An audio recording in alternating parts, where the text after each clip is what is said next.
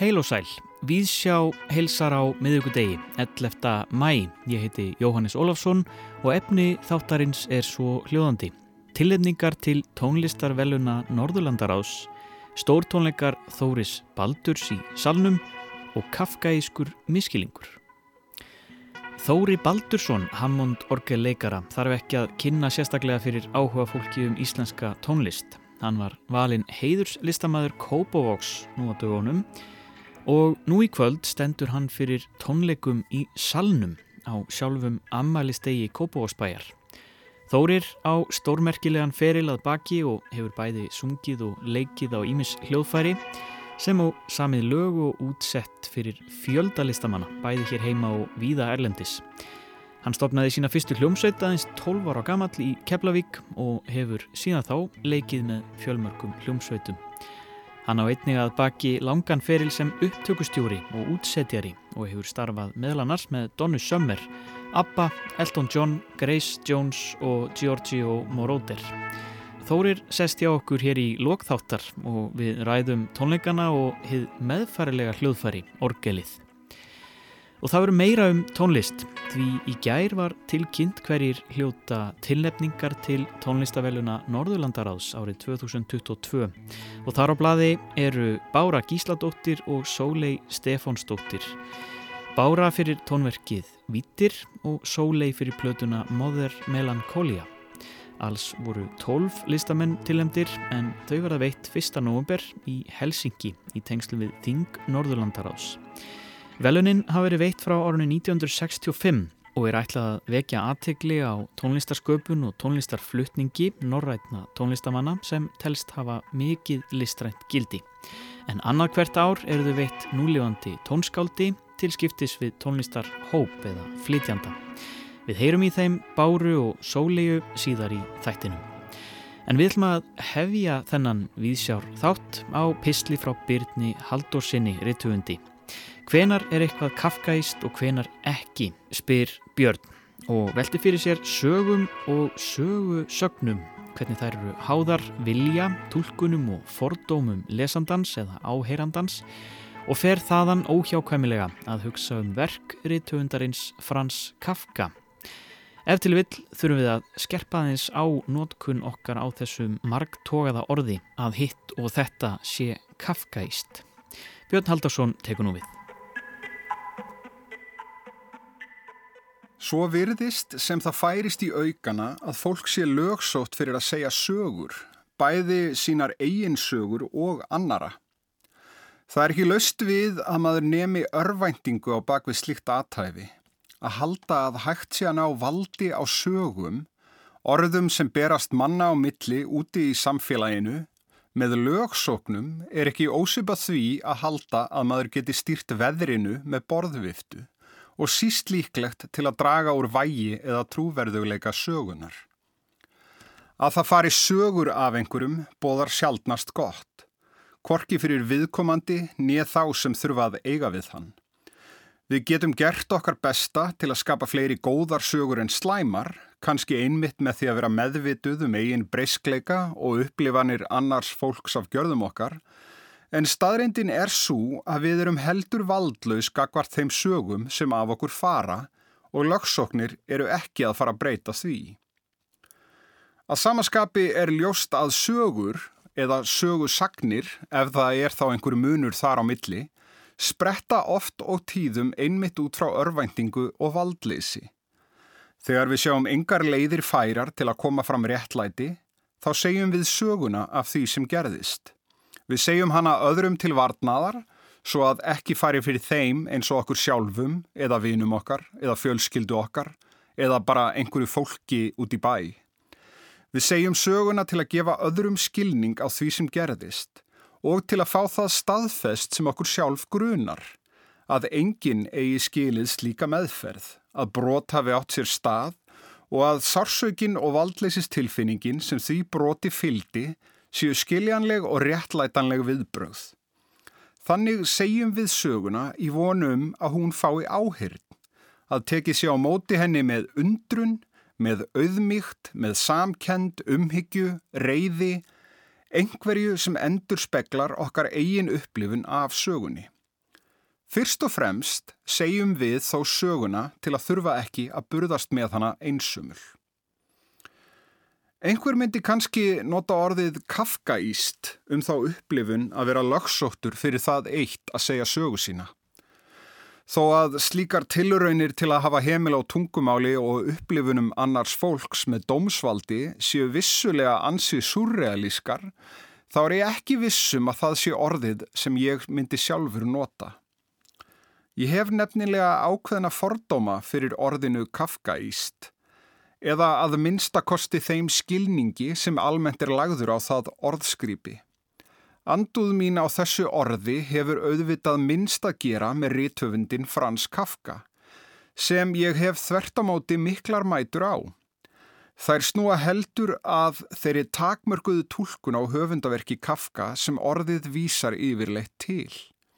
Almenn nótkun á orðinu verðist engum vísa í verk á borð við réttarhöldin eða í refsinílendunni. Sögur sem draga fram ofríki, andlitslaus og óskiljanlegs skrifræðis. Orðið hefur verið ofnýtt og gengisfelt í þessum tiltekna skilningi sem er eftir allt einungis lítið hluti af þeim sérkennum sem gera skáldskap Kafka svo einstakann. Þannig er því slengt fram að eitthvað sé Kafkaíst í samhengi við upplifun fólks af hverskinn skriffinsku og óréttlæti. Eins og má til dæmis sjá í fyrirsögninni Kafkaískur farsi við nýlega frétt um að rafskullur frá fyrirtækinu HOP hafi verið fjarlagðar af götum þórshafnar af yfirvöldum. Þær tilfinningar sem ég sjálfur tengi helst við Kafka eru annars eðlis og hafa lítið að gera með tilfinningalösa búrókrata sem setja rafskullu þjónustum stólinn fyrir dyrnar. Þær snúa þeimun heldur að ákveðinum óhug sem ég finn ætið fyrir þegar ég les verk Kafka. Óværð sem ég verð heldur varfið líkamlega en andlega. Ég man að ég satt í lestarvagni í fyrsta sinn sem ég las Hamskiptin, án Eva frægasta verk Frans Kafka. Kanski var það einmitt þess vegna sem loka sena bókarinnar Þar sem hinn ógæfusama Samsa fjölskylda situr saman í sporvagni hafði svo mikil áhrif á mig. Fjölskyldan er loksins laus við vesalings Gregor og framtíðin er björt. Þau sjá sér leið út úr skuldasúpu sinni núna þegar þau geta flutti í smerri íbúð án þess að þurfa að finna stað fyrir ófreskjuna sem elsti sonurinn hefur umturnast í og þau hafa ákveðið að bregða sér út í sveit til að spóka sig í vorveðrinu. Dóttirinn Greta, yngri sýstir Gregors, sem í byrjun sögunar er barn sem klæðist fögrum kjólum, spilar á fiðlu og nýtur áhyggjulausa lífsins sem stritt bróður hennar tryggir fjölskyldunni, hefur einnig farið í gegnum ákveðna umbreytingu þegar hér er komið sögu. Umbreytingu sem oft fer framhjá lesendum vegna ógnvænlegra hamskipta eldri bróður hennar. Jamt því að Gregor tapar mennsku sinni innan í líkama skortýrsins breytist Greta úr barni í röggsama unga konu sem gengst við umönun bróður síns og tekur einnig velferð foreldra sinna sér í hönd, fær starf sem afgreðslustúlka til að stiðja fjárhagfjölskyldunar og læri hraðritun og frönsku á kvöldin. Í vorsólinni sem skín innum gluggasporvaksins virða herra og frú Samsa gretu fyrir sér. Þau átta sig á að í erfiði leikunum sem fjölskyttan hefur gengið í gegnum hefur dóttir þeirra blómstrað og er orðin falleg og ídurvaksin stúlka.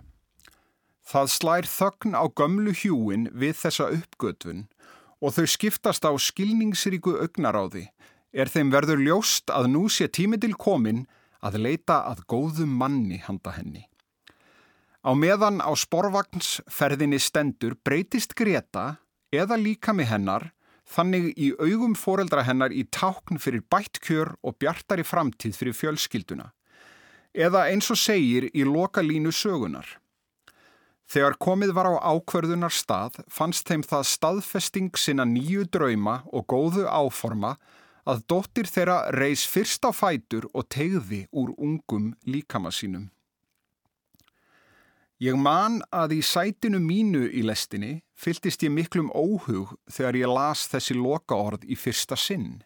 Meiri óhug en ég hafði upplifað við ítarlegar lýsingar á umbreytingu Gregors í pöttu og hvernig hann skrýður um veggi og loft gamla herbyrgisins síns og tapar smátt og smátt huga sínum fyrir dýrslegri eðlisávísun. Hinn ungi líkami Gretu sem hún tegir á í loka línu bókarinnar virðist á einhvern máta alls ótengdur henni sjálfri, eitthvað sem hún hefur ekki fullt valdi yfir eða skilning á, eða að minnstakosti ekki þann skilning sem foreldrar hennar lesa í hann. Von um bjartari framtíð og styrkari fjárhag fyrir fjölskylduna, nú þegar elsti sonurinn fyrirvinna heimilisins er á bak og burt. Frekarinn hugmyndir um skrifræði og valdstjórn er það þessi beigur tilfinning sem ég á erfitt með að setja fingur á að öðru leiti en að hún hefur eitthvað með það að gera hver viðkvæmir líkamar okkar eru og hver litla stjórn við höfum yfir örlögum þeirra sem ætið hefur heitlað mig við verk Frans Kafka og sem ég tengi mun heldur við það að eitthvað sé Kafkaíst. Vissulega er það Gregor sjálfur sem vaknar einn daginn í formi risavaksins skortýrs í rúmi sínu Bjöllu, ef markam á rítöfundin og fyririldarsapnaran Vladimir Nabokov, sem var jú fróðari en margir um hryggleysingja. Og það er Gregor sem getur ekki lengur gert sig skiljanlegan við foreldra sína og systur sem breytist í byrði á fjölskylduna og deyr á endanum einn og yfirgefin í læstu og tómu herbergi. En í hvert sinn sem ég les hamskiptin er það Greta sem ég hugsa hvað mest um þegar ég legg bókina frá mér og sita eftir með uggi hjarta og vangaveltur um örlögin sem býða hennar. En þannig er það líka með sögur Frans Kafka. Þær veita svo takmarkaða sín af heiminum sem þær gerast í og personunum sem þær hverfast um að lesandanum er frjálst að sjá í þeim nánast hvað sem hugurinn gyrnist og móta þær þannig að eigin tólkunum. Kanski er það þess vegna sem Kafka hefur lifað svo laungu og farsælu lífi í bókmentasögunni. En í dag virðast skrif hans á einhvert máta endur spekla heiminn sem við búum í. En að samaskapi eru sögurnar tímalösar og lösar við hverskins réttlæti eða siðferði eða bóðskap. Þær gerast fyrir personurnar án þess að þær fái rönd við reist. Ógnin sem fælst í þeim er að þrátt fyrir það hver draumkendar þær virðast á yfirborðinu finnst manni að þær, líkt og draumar, geti gerst fyrir hvert sem er. Hvernig við svo tólkum hvað það var sem gerðist í raun og veru í sögunni. Það er eitthvað sem við verðum að eiga við okkur sjálf aðlestri loknum. Sagði Björn Haldursson er í töfundur en hann fjallaði þarna um það sem oft er talið kafgæst og hvernig orðið og merking þess er kannski á villigutum. En tónlistin verður hér eftir umfjöllunarefni þessa vísjár þáttar. Tilkynnt var í gær hver hljóta tilnefningar til tónlistavelluna Norrlandaráðs árið 2022, samtals 12 listamenn og þar á bladi eru Bára Gísladóttir fyrir Vittir og Sólei Stefánsdóttir fyrir Mother Melancholia. Bára og Sólei, verið velkonar í Vísjá til hamingju með tillemdingarnar. Takk fyrir. Takk. Þeir tillemdar til tónlistavelluna Norrlandaráðs uh, og þeir eru búin að vita af þessu í svolítinn tíma. Var eitthvað svona málað þegi yfir þessu? Nei, held ég að sagt manninu mínum, en Já. fleirum sagði ég ekki. Nei. Ekki eins og mömmu og ekki baba. Og var það ekkert erfitt? Nei. Nei. Þetta er ekki Óskarinn sko. Nei, Nei ég segir svona að þetta er geggjað. Um, Voruð bjökust þið við þessu? Nei. Þú voru ekkert að býða við síman eftir þessu? Nei, þetta, þetta kom á óvart. Það er líka skemmtilegt að fá svona símtal af því oft fær maður bara tölvupost eða eitthvað, eitthvað svona en, en kann mann fá svona stutt, stutt og laggótt símtal. Hva, Hvernig velun er þetta í ykkar huga? Þetta eru velun sko frá 1965 Já Hvernig, hvernig lítið á þessi velun? Þetta er náttúrulega bara heiður, fyrst og fremst. Mikil heiður að fá að vera með því að einmitt þetta er, eh, ég svona rétt rendi yfir hinnar tilöfningarnar og það eru, þú veist, þetta er ekkert þetta er búið að fjölbreytt. Þannig að það er hennar bara ótrúlega gaman að vera með í þessum hópi. Þetta er ekki, þetta er ekki, þetta er ekki margir listamenn sem fá þessa tilumningu sko, á hverju ári. Akkurat, tólf listamenn sem eru tilnæmt uh, í ár. Já. Og kannski skemmtilegt líka tónlistinni er kannski aðeins tilrænakendari en hún hefur oft verið áður mér finnst þetta ekki alltaf að verið einhver svona jáðar tónlistar mm -hmm. verðlun og eru það svo sem ekkert yfir höfuð en það er, það er svona aðeins fjölbreytara eins og Sóli var að segja mm.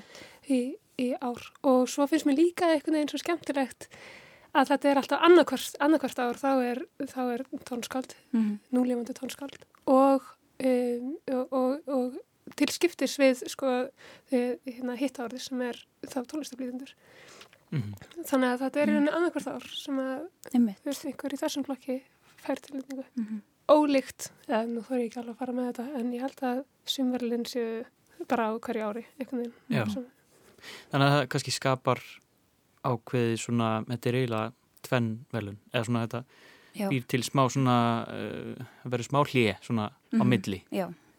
Það er svolítið skemmtilegt að ég hafi náð ykkur saman hérna í spjall, Bára, þú býrið í uh, Kaupmannhöfn, hvað, ertu í heimsókn á Íslandi? Já, í, í stjórnstoppi Já slá saman smá svona fjölskyttu ferð og hitta ömur og afa og svona og svo hérna er ég að fara í upptökur með Sinfo á morgun það var svona fjölsky megin ástæðan við við komum. Já, hvaða upptökur er það? Máttu, máttu tala um það? Já, þetta eru hérna upptökur fyrir næsta disk með, með, sem Sinfo er að gera með svona Luminous ég er hana með eitt stuttverk í, í hópi svona, já, við erum mjög í, í góðra vinna hópi eitt stuttarlega gott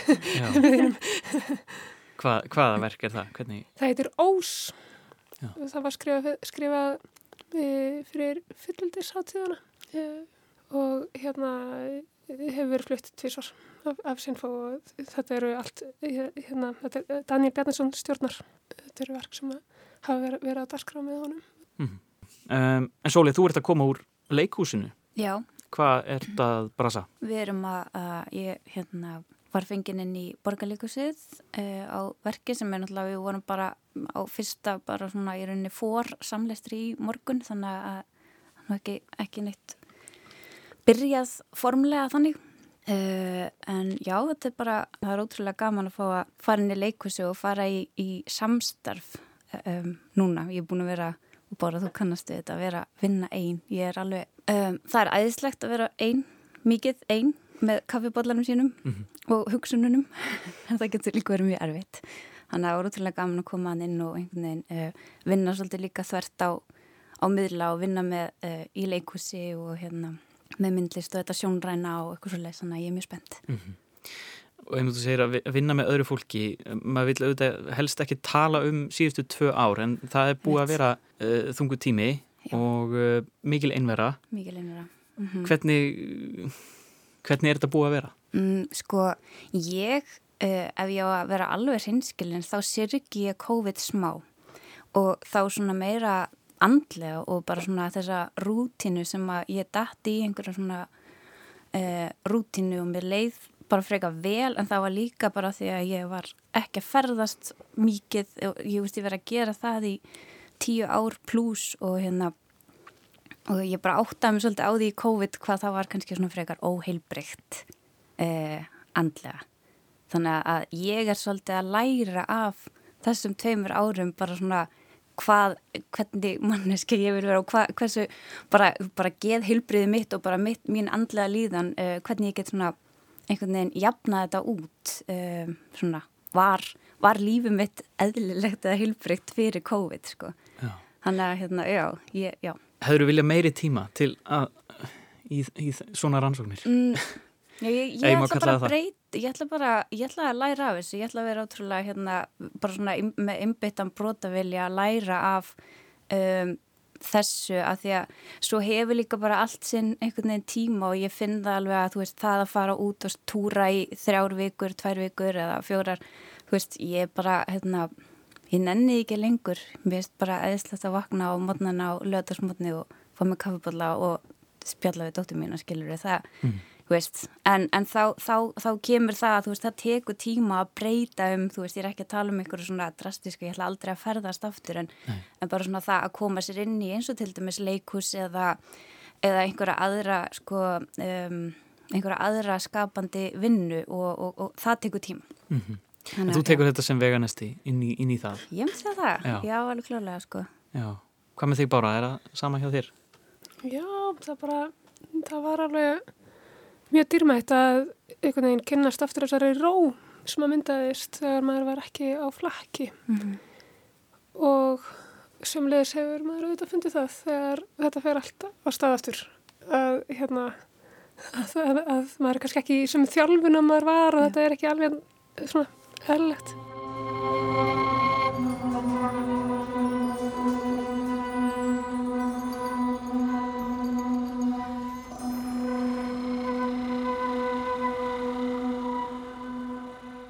Bára, það er ekkert svo langt síðan að við spjöldluðum saman hérna í, í útvarpinu uh, um þetta verk sem þú ert tilnæmt fyrir uh, Vítir uh, þá varst að spila á myrkum músiktugum uh, í Hallgrímskirkju við bökum bara aðeins þánga, hvernig gekk? Það gekk bara ólýsanlega vel Já. þetta var bara ég, ég held að við töluðum nokkur um það eftir tónleikina þetta er svona, eh, já, þetta var bara algjörlega einstök stund það er ekki oft sem maður ég, og ég hef persónulega aldrei upplöðað ég, ég hef ekki einhvern veginn átt þess að tónleika upplöðun mm. áður sem flýtandi og mér fannst eins og e, við værum svo saminuð í þessu áheyrandur og flýtandur mm. um, þetta var svona algjör samvinna og ég held að það hefði verið einn hósti mm. að því að þeir hérna, Albert og Bergur sem voru að, að hérna, stjórna hljóðinu og upptökum þeir hafðu smá ágjör að því að bara þegar nokkur hósta kannski haldarskirkju þá mm. það geti það finnir hættilegt fyrir svona einhverja standard upptöku en það var ekki neitt það var bara einn hóst og svo þurfti litla sýsti mín að fara að pissa. Já, það var ekki meira það. Nei, það var eina sem kom upp á sko. og hérna, já það náðist bara eitthvað einhver ótrúlega góð hlustun og ótrúlegt flæði sem að var það svo náttúrulegt einhvern veginn og hérna, við vorum alveg bara, bara hættur þetta að eiga svona góður upplifanir, maður fyrir bara algjörum blús mm -hmm. eftir það, mm -hmm. náttúrulega. Spennu fall. Já, já, bara einhvern veginn, þessi tilfinningum að þetta geti aldrei gerst aftur. Sko. en eins og lýsir þessu, þá, þá er kirkjan mæntilega stór hluti af þessu, þessu verki í þessu tilfelli þarna. Já, algjörlega, hún er náttúrulega bara rýmið er skrifað inn í verkið og síðan fluttum við vitir núna í Árásum í þar síðustu viku. Mm. og ég hefði beðið um, ég þekki ekki mikið kirkjum þar sko og ég hefði bara beðið um að fá hérna rýmið með sem að, að byggja mikill endrómun. Og um, svo komum við inn og gerðum einhvern veginn bara ráð fyrir þetta eruði eitthvað svona svipað við um áður hérna, það var þriðjarskipti sem við vorum bara að flytja verkið. Og það var uh, engin og það fór allt svona upp á við, upp í loft mm -hmm. og, um, og ekkert út í salin þannig að hljóðum að kannski að spila fullu og það, veginn, það hefur verið frábært að sitja sko, í hengirúmi aðna efst uppi. -hmm. en, en, en þetta var hérna, það var allt, allt önnur upplöfun þannig að það rýmið getur skipt svo rosalega miklu máli. Já, akkurat. Og Hallgrímskirkja besta hinga til. Besta. Tók vel utanum þetta. Já. Akkurat. Um, En þetta, þetta verk, um, þú ert að fara eitthvað með það áfram eða Já. er það bara á flaki? Já, það mm. er svona, við erum að vonast til að geta að fara til Mexiko og San Diego í haust, Já. en ég veit ekki eins og hvort ég með segja það. en þú ert að leita að ennþá betri hljómburði heldur en Hallgrímskirkju, er það markmiðið? Nei, alls ekki sko Það varstu bara búin að ná er, Já, maður það bara setja sig við það og svo bara gaman að, ég minna að það var alveg áhugavert að flytja verkið núna aftur og það heyrðust miklu meiri bara smáadröði í hljóðunu og, og eitthvað og, og Ólöf Arnalds, vinkona mín, hún var á, hún var bæðið núna í Árásum og, og í Hallgrímskirkju og henni fannst það bara, henni fannst bara mjög gaman að heyra mm. þessar tvær ólíku myndir af verkinu mm -hmm. Akkurat Uh, Sólei, uh, þú er tilhemd fyrir plötu uh, Mother Melancholia mm -hmm. Ertu á einhverjum dimmum slóðum í þessari músik? Sko, ég menna ákvaða það fyrir eftir hvað tónlistastefnu við erum að hérna, vinna með mm -hmm. ef, að, ef við varum að tala um í pop tónlist þá kannski já, myndi fólk segja það en, en ég var svolítið að leika mér svolítið á milli tónlistastafna eða einhvern veginn ég, ég er náttúrulega að byrja minn feril einhvern veginn óvart. Ég ætla aldrei að verða einhver, einhver svona, ég ætla aldrei að syngja eða, uh, mér finnst það ekkert skemmtileg en hér er ég og hérna en þessi plata er, já já, hún er vissulega eitthvað svona á, á dimmum slóðum og fjallarum uh, bara, þú veist fjölda morð mannkins á mannkyninu, sko, þannig að þú veist það, en Ég, en, ég held að flesti myndi kalla það dimmarslóðir og ég, ég hlusta á mjög dimmar músík og horfa mjög dimmar myndir þannig Já. að fyrir mér er hérna, þetta bara grín sko. Já, og kannski Nei, líka bara færa þetta inn í megin strömin að vera, raunsær. Vera raunsær, en samt að mjög abstrakt hátta því að þetta er náttúrulega allt bara eitthvað, já þetta er svona óður til hérna, jarðarinnar. Mm -hmm. og, og líka bara þessar pælingar með eh, hvernig við kyn gerum jörðina og gerum hana að eh, einhvers konar hvern manni sem er bæði bjargvættur okkar og einhvers konar næring fyrir okkur en líka eigðaleggingin.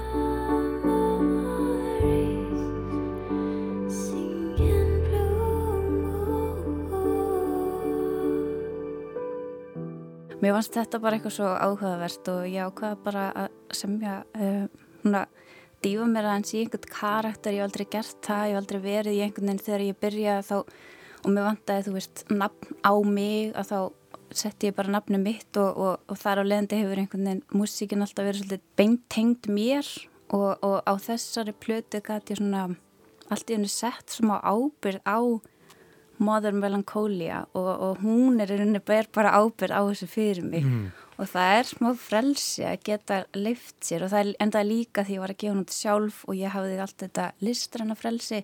Það er bara margt sem að, að breyta einhvern veginn varð öðruvísi, já það er bara margir litli hlutir sem að hérna, leiðu mér einhvern veginn að fara á þennan stað verandi einhvers konar fór, ég myndi ekki segja að vera poppari en þú veist kannski meira svona í einhverju, einhvers konar pop-i pop-i. Mm.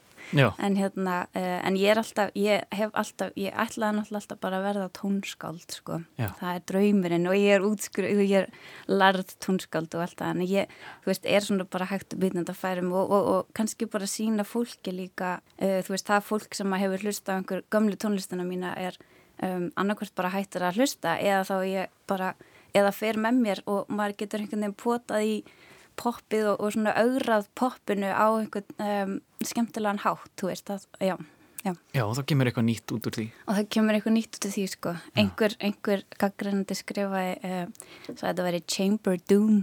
Það er heldur bara besta eitthvað lýsing á einhverju sem ég, ég var bara takk. Og gaman þegar einhver sko hlustar og, og, og finnur...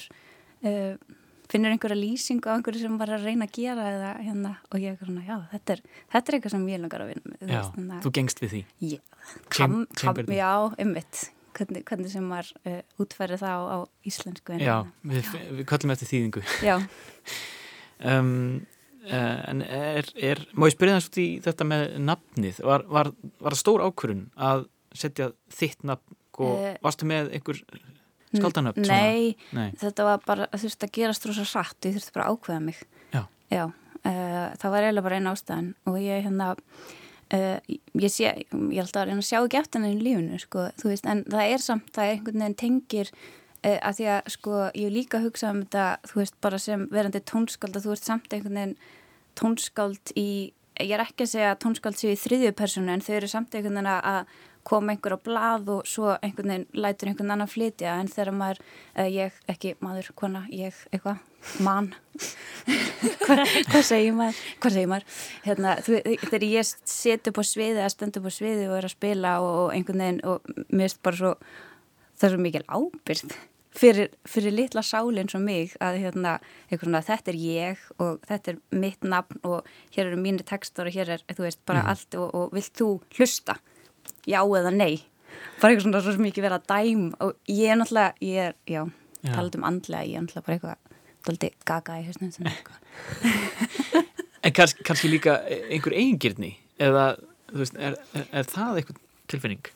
Það sé svona ég um mig, eitthvað neginn? Nei, alls ekki, að, þú veist, ég væri alveg til í að þess vegna, hérna, þú veist, væri, finnst mér svo gott að hafa eins og þessi karakter sem ég er einhvern veginn að búa til Já. að geta bara varpað e, eins og ég ábyrðinni eða ef ég ger eitthvað hérna, um, þú veist lag eða verk sem er þú veist bara drón mm -hmm. að þá er það bara því að ég er að reyna og ég er bara að reyna að útskjera hvernig jörðin líður þegar það er einhverja, þú veist, bor eftir ólíu eða eitthvað ég veit ekki, nei, þú veist, eða eitthvað það er auðveldara einhvern veginn að hérna, svona, bara ég er bara að búa til eitthvað svona ástand, sko en það er líka bara að fara úr pop tónlist yfir í svona meira kannski einhver, einhvern jæðarpop eða hvað sem við viljum kalla það, sko mm.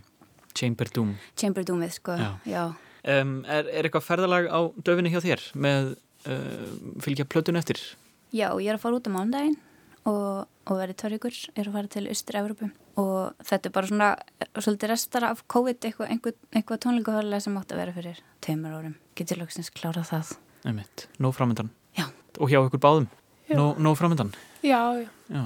Bara, bara með hérna auðu galopum bara, já það er nóg framöndan það er of mikið yfirþyrmandi yfirþyrmandi ég, ég held eins og sem að er æfingu að vera að gera of mikið en, en, en, en þá þarf að læra að vera ekki alltaf að gera of mikið er það ekki? það er eitthvað lærdómur já, já. því að þá bara deyr maður fyrr og þá getur maður ekki gert við alla peningana sína sem maður græðir þegar maður er að vinna of mikið það er svona hinn kapitalíska hugsun sko. já, já, já Við skulum bara hafa þetta svona eiginlega að loka orðin. En mér langar samt að spyrja ykkur, nú eru eh, tónlistavelun Norrlandaráðs, þau verða afhengt uh, í byrju nógumber í Finnlandi. Verðið þið á staðnum? Það er kannski steitra fyrir þau bara að fara frá köpinn. Já, bara við erum eiginlega ekkert búin að fá að vita. Nei, við erum ekki fengið nætt bóðskort. Það er ekki búin að bóða okkur, sko. Þetta er nýskeið. Þetta er nýskeið, já. Já, akkurat. En þið myndum þetta, þið fengið bóðskort. Já, ekki spurning. Sólegi Stefansdóttir og Bára Gísladóttir um, aftur til hamingju með tilendingarnar og takk fyrir spjallið. Takk, takk fyrir okkur.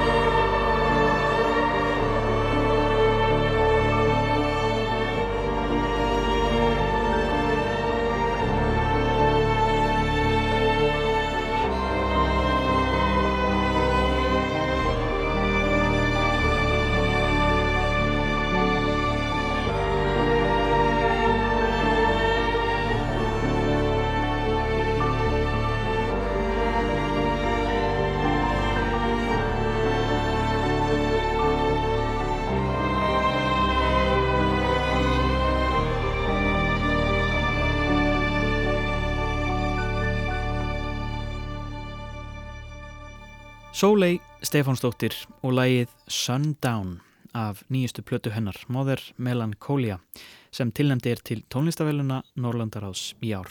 En það er Bára Gísladóttir, einnig fyrir verkið Vittir og ég hitti þær saman í dag og rætti um þessi merkilegu velun. En næst ætlum við að hýta aðeins upp fyrir tónleika sem verða í salnum í Kópavogi í kvöld en heiðuslistamæður bæjarins verður þar á sviðinu með sitt trausta Hammond-orgel. Þóri Baldursson, verður hjartanlega velkomin í Víðsjá. Já, þakka þið fyrir. Aðunir eh, ræðum tónleikana sem verða eh, í kvöld í salnum. Eh, það var komið svolítið að spurja þig, þú heiðuslistamæður Kópavóks, hvaða hvað þýðingu hefur það fyrir þig? Um, það er bara það er bara heiðurinn í, í raun og, og hérna umtalið sem það uh, vekur og uh, já, ég er bara mjög saktur og, og þakkláttu fyrir það mm.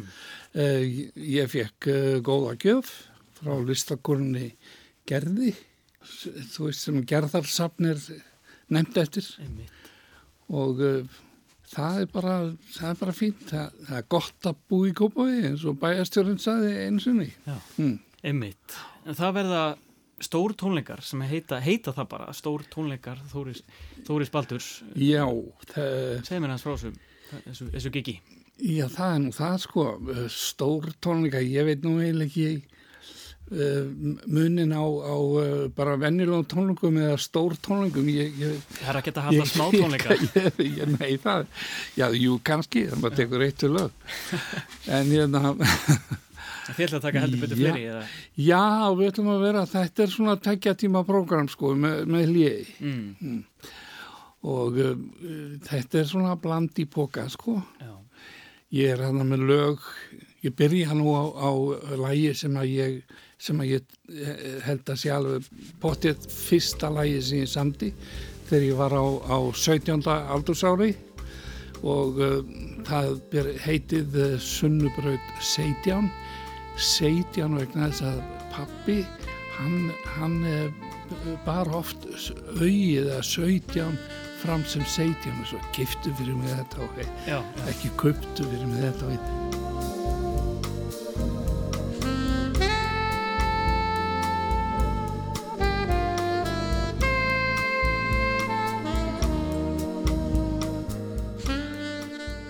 Ok, svo það er eiginlega fyrsta lagið, Sunnumbröð Seidján og svo koma nokkur lög sem að ég uh, hérna uh, gaf út á diski 1999, mm. 23 ár síðan, bælt í því mm.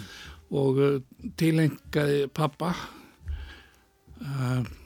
Ég varði einhvern veginn að, minnast hans með þakklæti fyrir, fyrir það sem hann kendi mér og, og kom mér á stað í í þessu, í tónlistinni.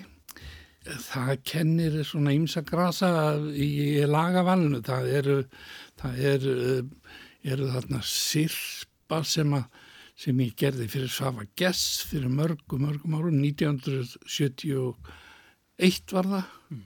Gerði ég blötu fyrir Svafar og það voru allt sirpur. Og þetta er sirpa nummið fjögur á þeir, þeirri blötu. Já. Og uh, þetta eru íslensk lög sko. Já.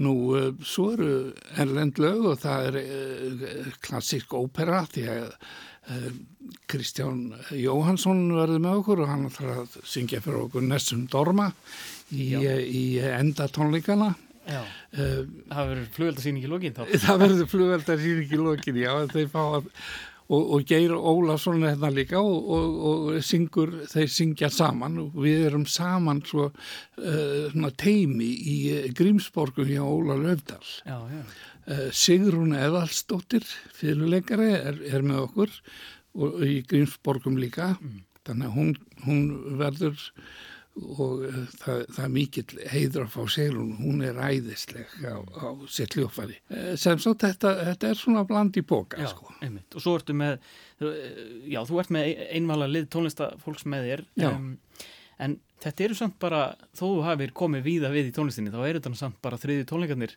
ekki satt, sem að þú heldur sko undir þínu nafni. alveg hárjett og, og það kannski kann, kann að þykja lítið og löðumannlegt að eftir 64 ári í bransanum að, að hafa ekki haldið fleiri tónleiki í nafni.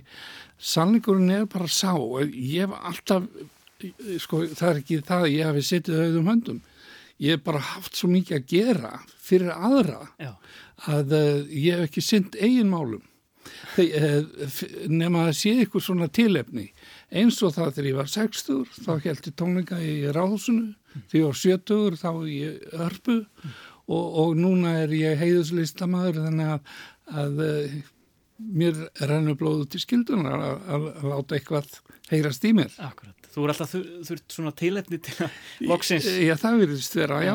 já. já. E, e, nei, eins og ég segi, ég hef ekki setið auðvitað, ég hef bara, nei. það hefur tekið úr mér svolítið kraftin að, að hann að eh, vinna svona mikið fyrir aðra og svo er ég alveg óforbetranlegur eh, nörd og, og hérna, hef mörg áhugamál, mm. ljósmyndun, gera gamla græur eins og Hammondorgelin. Ég alveg hef, hef indað því að, að taka þau sundur og, og, og koma þeim í lag. Akkurát. Já. Já, þú valdi kannski ekki alveg meðfærilegasta hljóðfærið sem þitt enginnis. Nei, þetta eru, þetta eru bara, já, kalla, þetta er næstu búferðla flutningar í hver skipti, sko. Já. já, já, þetta er nú indæl, sko. Ég er búin að eiga þetta hljóðfæri í 50 ár og, og hef, hef eiginlega alltaf verið á ferðinni með það, sko. Já. Það har aldrei verið á einhverjum einur stað lengi með orgelið. Getur líst í hvað það er sem er svona heilandi við þetta? Svona... Við Hammond-orgelið? Já. Já, ég er nú búin að gera tilröndi þess uh, oft á mörgur sinnum en, en uh, sko, menn tala gætnan um það að, að uh, hvernig tónin er, er framleitur í Hammond-orgelinu, það er á svipaðan hátt og í ramaskítarnum. Sko þetta er, þetta er segulmagn uh, sem að, að býr til tónum, þetta er strengurinn títrar fyrir hann pick-upið, þá, þá verður til svona uh, rafströmmur sem er sama tíðnu og títringurinn á strengnum. Um, í Hammondinu þá er þetta svona litlar kringlúptar skýfur með svona öldum á og það er pick-up við endan, e, eða sko við jáðarinn á skífunni ja. og skífan snýst og myndar þannig riðström sem er tónin mm -hmm.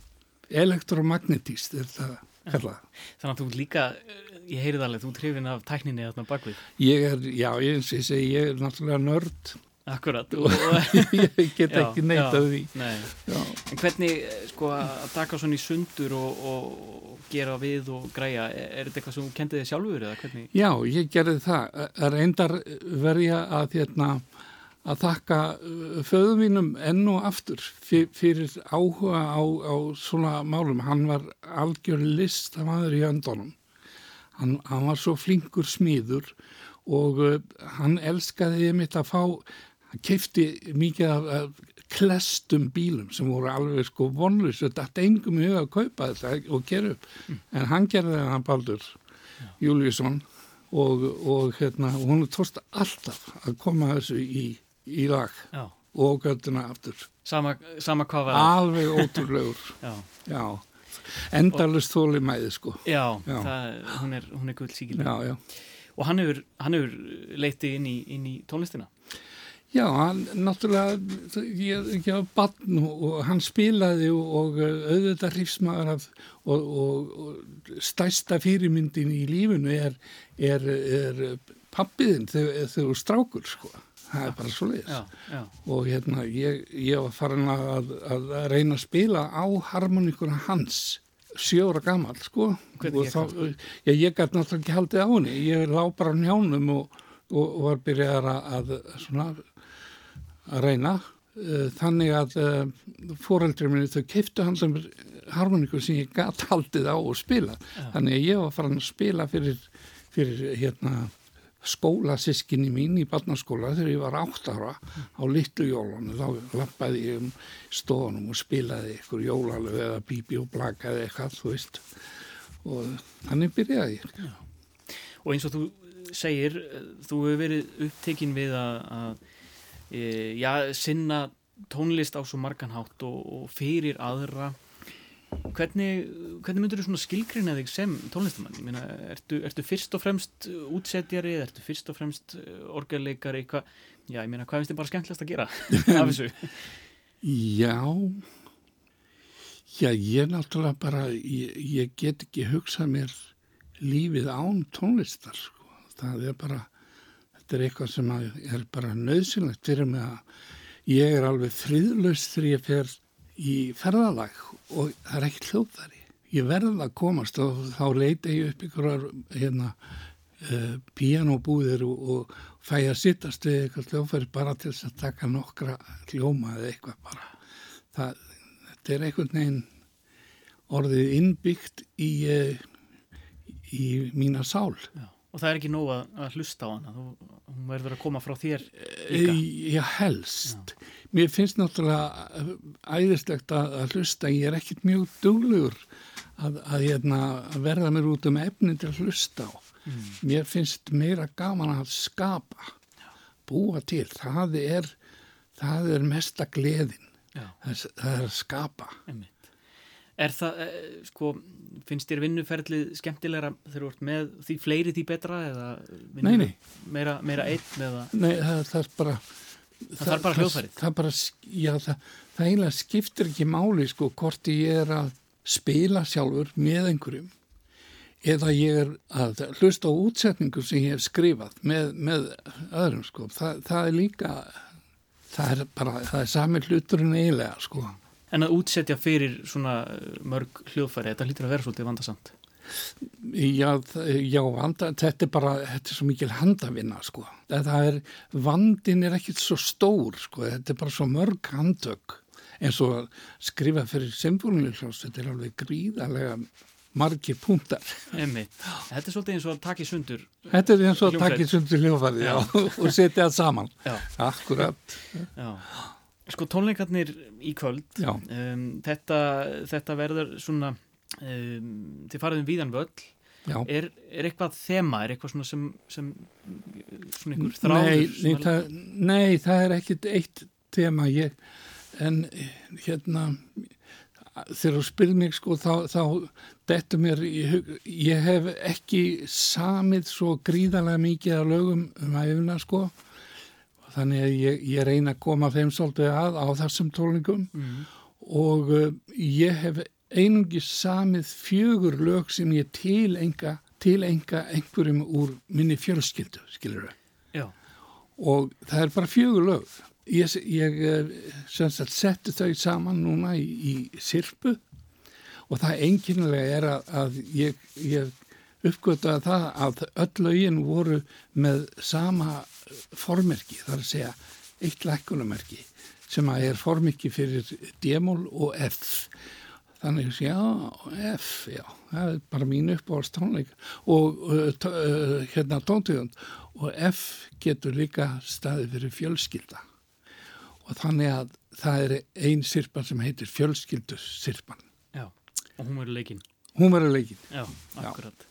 Og þú er alveg vitað hver, hverja ætti að ringi þegar það hefur verið að skipulegja þetta? Já, ég, ég vildi fá hérna svona góðan blásara sats og uh, við höfum unni mikið saman ég og og uh, reyndar allir þessir blásarar en, en engum og sérilegi ég og, og Sigurður Flósasson við höfum gert nokkra diska saman fjóra eða fimm diska með lögum eftir Sigga. Mm. þannig að það Siggi var náttúrulega minn fyrsti kostur og, og síðan að bæta öðrum við hann sko. Mm -hmm. þetta, er svona, þetta er svona eins og lítið lítil stórsveit skulum við segja. Já, einn trompet, einn altosax einn tenor einn ein básuna og einn baritónsax þetta eru fimm blásar Já. og þeir, þeir alveg nóg til þess að búa til feitan og fallega hljóm ef maður vil eða, eða búa til fallega Júnisson rödd. Þetta, þetta passa mjög vel. Ja. með mér er líka á gítar Björn Tóratsons við höfum unni mikið saman Björn í uh, hljómsdunni Gammar. Já. og þannig líka Stefán Stefánsson á Barretonsax mm -hmm eina skefing heldur betur unni, unni mikið saman við, við einar Já. alveg frá því hann var bara 15-16 ára sko Já Þannig þið, þið eru bara með þetta í fingrónum? Já, við erum með þetta, já, já, við erum með þetta við, og við þekkjum hvort annan og, og uh, við þurfum ekki að eigða miklum tíma í æfingar. Það er allt skrifað og, og ég veit að fyrirfram að, að það verður allt í lægi, sko. Já. Það verður allt spilað, það sem skrifað er og við þurfum ekki eigða miklum tíma. Það er bara talið í? Það er bara talið í. Og þú ætlar að stýra þessu með, með örugur í hendi? Ég ger það, já, já, já. Hvað er þetta staðsveitur á sviðinu með, með orgelið? Hvað verð ég? Já. Ég verð svona, ef þú horfir á sviðið þá er ég vinstra megin. Svo er ég með hérna... Þú verður að hafa gott svona, goða yfirsýn. Já, svo er ég með tvö lestleg, sko. Já. Þannig að þau eru, þau eru svona sikura megin á sviðinu til þess að dreifa orgelsándunum svolítið. Þóri Baldursson, það eru stór tólningar í salnum í kvöld. Ég segi bara gangi ykkur sem allra best og, og og gangi þér vel áfram í músikinni. Þakka kærlega fyrir.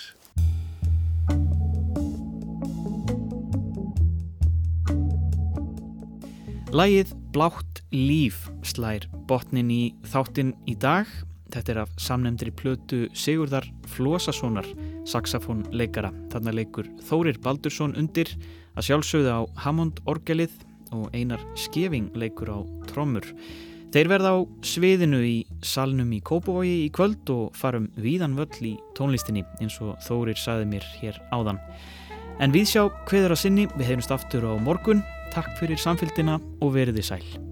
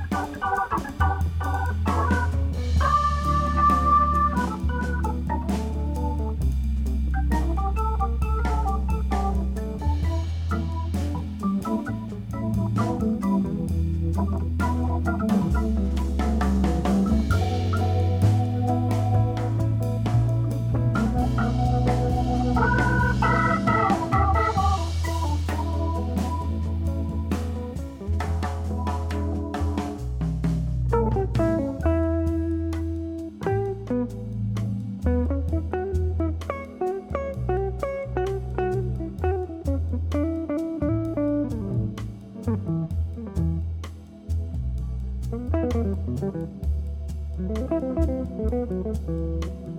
you.